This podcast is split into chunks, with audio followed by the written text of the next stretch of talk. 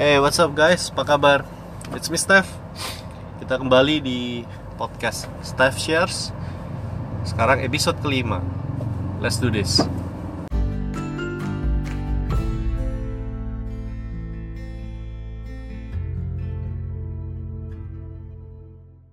Oke, okay, thank you sebelumnya buat teman-teman yang sudah dengerin, sudah bantu share.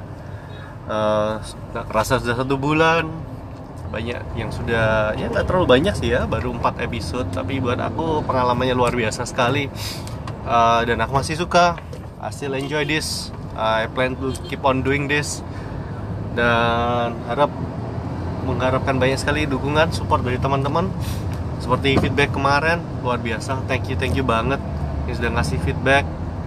Uh, kalau ada lagi ke depannya jangan sungkan-sungkan. Kasih aja DM uh, message aku.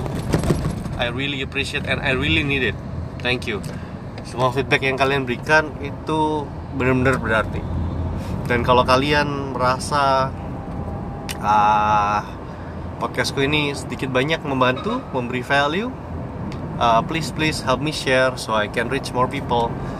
Uh, aku bisa terekspos ke lebih banyak orang. Mungkin aku bisa feedback dari orang lain I really appreciate kalau kalian bantu share uh, tentang podcast gue ini oke okay, tema hari ini kita akan bicara uh, yang sedikit lebih berat tapi aku akan berusaha uh, keep the context dari point of view ku pengalaman pribadiku tentang apa yang aku mau sharing ini yaitu tentang uh, shadow self. Istilah shadow self ini kayaknya yang anak-anak psikologis yang anak-anak psikologi lebih ngerti ya. Itu tentang konsep bahwa dalam diri manusia itu ada sisi yang gelap. Makanya namanya shadow, bayangan. Itu biasanya di uh, hal-hal uh, yang orang tersebut tidak ingin uh, apa untuk perasaan uh, uh, memori, pengalaman hidup yang nggak menyenangkan. Kita push ke dalam, kita simpan jauh-jauh dari permukaan dan kita simpan itu di area yang namanya shadow self. Jadi sebisa mungkin bagian ini tidak muncul ke permukaan. Dan uh, menurut Carl Jung yang mempopulerkan ini yang mengangkat tema ini pertama kali bahwa setiap orang punya ini sisi shadow selfnya contohnya ini kalau aku aku merasa shadow selfku itu adalah perasaan yang kurang percaya diri. Jadi, gampang minder lah ya.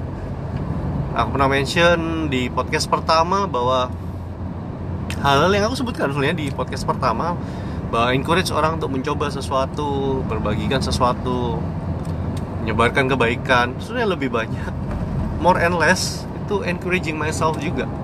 Karena aku orangnya gitu. My shadow self uh, sering kali mengatakan bahwa aku nggak kompeten untuk mencoba hal-hal ini. Dan sebaiknya jangan nggak usah aneh-aneh nggak usah coba. That's that's my shadow self. Jadi dan uh, oh yang kedua juga. Selain kenapa kok tidak pede tidak confident? Salah satunya juga aku orangnya sangat vulnerable terhadap kritik.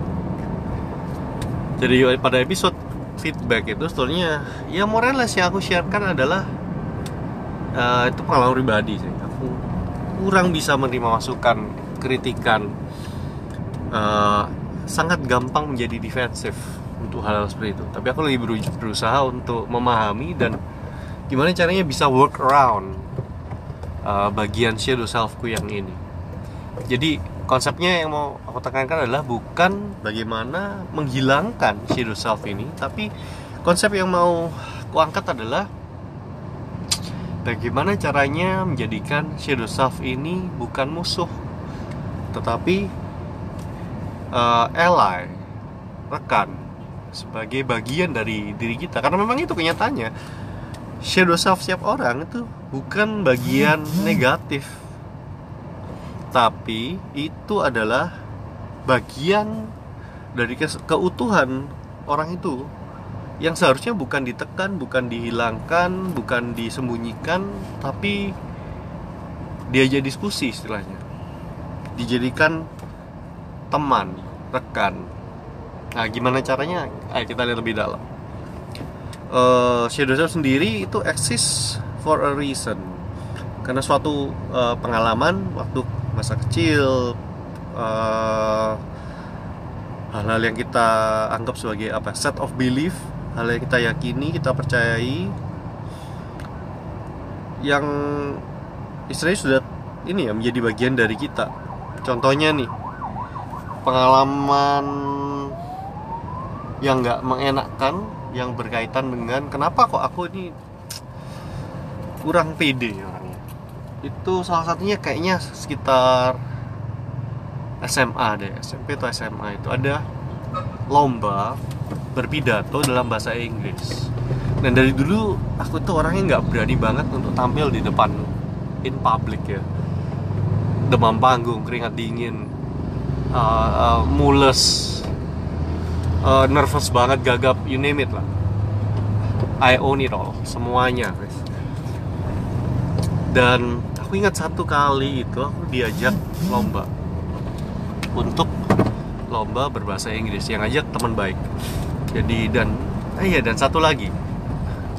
Uh, punya bad habit untuk menjadi uh, susah berkata tidak.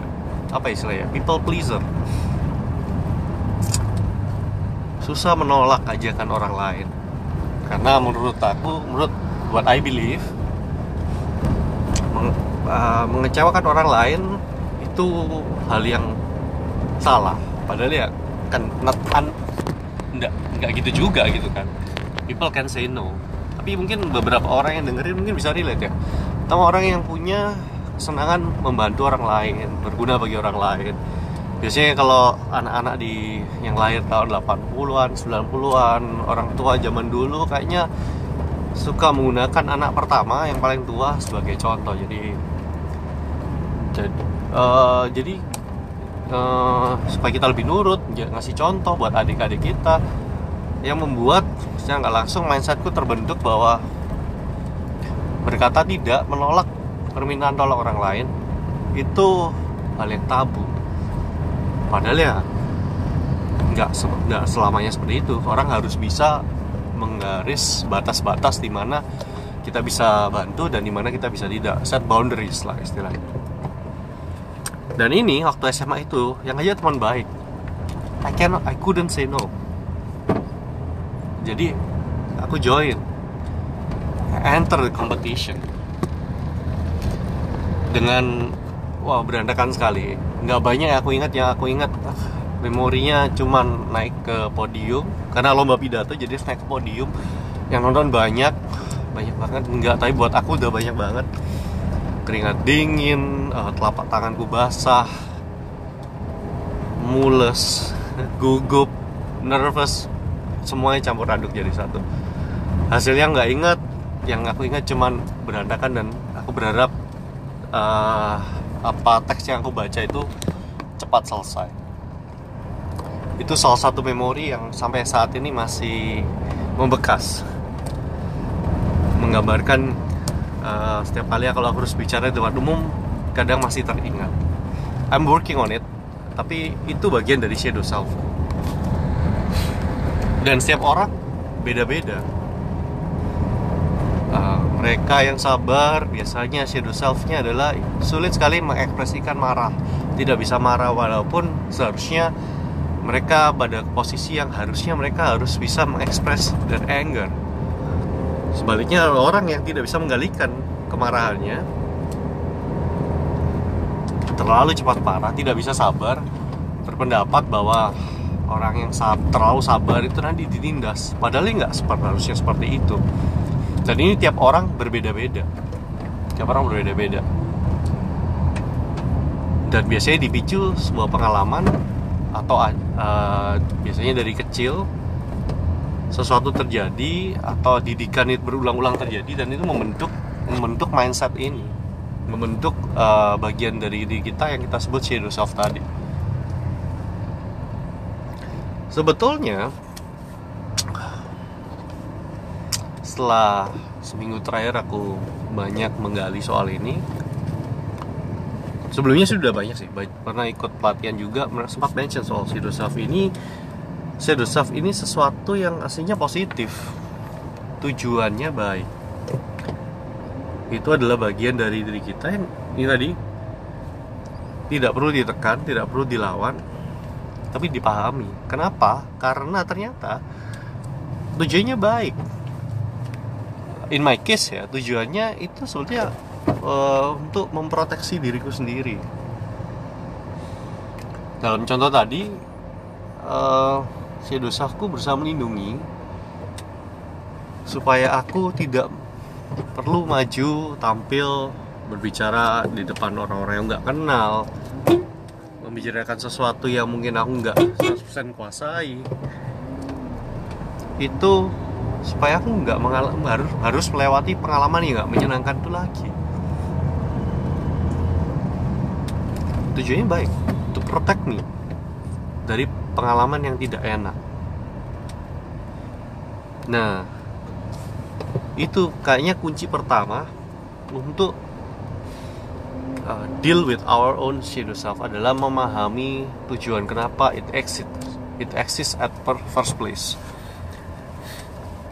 Mungkin orang-orang yang uh, susah berkata tidak tadi people pleaser hard to say no. Nggak bisa set boundaries. Itu mungkin buat mereka adalah menolak permintaan orang lain. Itu sama dengan nyakitin orang lain. Buat orang yang kecewa. Nanti orang itu jadi nggak suka sama aku. Tujuannya adalah supaya tidak ada konflik. Supaya orang jadi dia merasa orang suka sama dia. Punya label the nice person helpful. Dan ya nggak salah nggak salah. Cuman kalau tidak ada boundariesnya kan bisa jadi uh, suatu hari bisa merugikan merugikan orang lain dan merugikan diri sendiri. Jadi yang nomor satu adalah dipahami kenapa it exists setelah dipahami setelah aku mengerti konteksnya nih kalau aku tadi ya aku ngerti kenapa kok ada perasaan tidak nyaman ketika harus uh, berbagi sesuatu menjadi vulnerable dari kritik terhadap kritik seperti aku memposting podcast ini atau sharing sesuatu di sosmed. Kenapa itu eksis? Kenapa perasaan nggak nyaman ini eksis karena itu mau melindungi aku supaya aku nggak usah mau memalukan diri diriku sendiri nah kalau sudah tahu gitu kan berarti apa sih caranya gimana caranya supaya aku tidak ngerasa malu atau lebih berani, lebih yakin, lebih pede. Ya, it means aku harus prepare lebih baik. Aku harus uh, kalau podcast gini berarti materinya aku siapkan dengan baik. Nggak nggak asal-asal. Sekarang urutan-urutan apa yang mau bicarakan pun aku coba list dulu supaya tidak terlalu berantakan. Intinya dari situ aku nangkap bahwa bahwa maksud shadow selfku yang ini adalah supaya ya kalau kamu melakukan sesuatu pastikan lakukan dengan benar lakukan dengan baik supaya nggak malu-maluin supaya ketika kamu share ketika kamu tampil it's good decent at least. Itu. Dari situ aku rasa oh iya berarti rasa minder ini tujuannya supaya aku improve. Supaya aku menjadi uh, orang yang lebih baik. Supaya aku uh, perform apa pun itu kerjaan hobi uh, berbicara dengan orang lain itu lebih fokus lebih baik hasilnya dan pertanyaan lagi.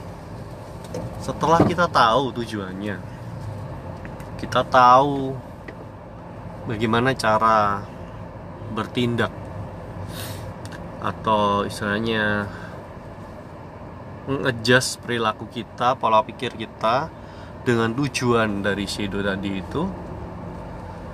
Well apakah itu berarti hilang? Apakah itu bisa lambat-lambat berkurang. Hmm, untuk yang satu ini jawabanku sih aku nggak tahu. Tapi buat kasus sendiri enggak it's still there. Sampai saat ini pun bahkan setelah aku memahami semuanya dan aku merasa aku bisa melakukan sesuatu dengan baik uh, pun ketika masih masih muncul seperti saat ini aja ya seperti ini sudah episode kelima. Aku sudah lakukan ini empat kali sebelum. Ini yang kelima. Dan aku yakin beberapa teman confirm juga uh, I, I get better. Secara teknis, secara struktur. Walaupun aku tahu masih banyak kekurangan tapi I get better. Seharusnya sudah nggak perlu kan rasa panik, nervous tidak pede yang berlebihan. Tapi tapi nyatanya iya. As a matter of fact right now I still feel the same. Aku masih merasa pressure yang sama seperti aku membuat case yang pertama. Dan ini aku confirm dengan pengalaman waktu kuliah dulu. Jadi ketika waktu SMA sering ikut lomba bahasa Inggris. Bahasa Inggris adalah salah satu mata pelajaran yang aku cukup bisa banget cukup jago. Dan aku join di klub debat sekolah in time kita perform really well. Kita pernah juara juara di beberapa event lah. Tapi pun setelah kita menjuarai sebuah event pun perasaan nervous dan tidak bedanya ini tetap muncul setiap kali kita tampil. It's never left. Cuman sekarang uh, for today ya aku tahu aku lebih ngerti bahwa perasaan tidak pede itu adalah konfirmasi meyakinkan apakah aku sudah prepare dengan baik apakah aku yakin yang akan aku lakukan ini optimal. Dan kalau aku bisa yakinkan diriku ya ini aku sudah coba yang terbaik yang aku performkan yang aku bagikan ini sudah aku prepare dengan baik perasaan itu baru bisa lebih tenang lebih settle. Hmm, tapi itu tadi aku bilang kalau itu buat aku shadow selfku seperti itu. Dan solusinya aku setuju tidak dilawan tapi dipahami. Dan setelah dipahami coba seperti diajak diskusi kita bawa dari kegelapan bayangan diri kita kita terangi. Aku akui bahwa aku punya uh, kelemahan dalam tanda kutip ya part of me kelemahan seperti ini bahwa aku orangnya gampang nggak pede. Sulit untuk membagikan sesuatu karena aku takut dikritik. Nggak suka perasaan nyamannya. Dan itu membuat banyak hal jadi lebih mudah. Kenapa ya? Karena dengan mengakui bahwa ini bagian dari diriku dan aku ketika melakukan sesuatu aku berusaha play around kondisi ini itu membantu aku mengurangi banyak efek samping negatif dari yang pemikiran-pemikiran negatif ini. Uh, jadi kalau kalian gimana? Apa kalian punya isu yang similar yang mirip-mirip dengan yang aku alami? Karena setiap orang beda-beda. Setiap orang punya shadow self mereka sendiri-sendiri uh, saranku itu tadi. Jangan tekan jangan lawan. Akui aja. Akui itu bagian dari diri kalian. Dan coba pahami apa sih maksudnya. Apa tujuannya? Apa triggernya? Kira-kira bisa nggak yang mereka uh, triggernya itu kita atasi kita penuhi kebutuhannya supaya setiap ketika berikutnya perasaan itu muncul shadow self kalian berusaha muncul biarkan aja muncul. Fasilitasi dan penuhi kebutuhannya. Uh, dengan seperti itu uh, seperti yang aku sudah coba lakukan aku yakin kalau kita bisa instead of menekan dan melawan shadow self kita itu tapi kita jadikan itu bagian dari kita kita ambil value nya maka bukan lagi jadi kelemahan. Itu malah sebetulnya jadi bagian dari diri kita yang mungkin malah bisa membuat kita menjadi lebih positif lebih produktif. Oke perasa itu dulu share uh, minggu ini. Thank you buat yang sudah dengerin. Uh, seperti biasa semua masukan saran uh, sangat tampung feel free untuk DM, feel free untuk message atau kalau pas ketemu teman kita kenal mau sampaikan langsung juga boleh banget. Ya, thank you. Sampai ketemu di minggu depan. It's me Steph. Peace and out.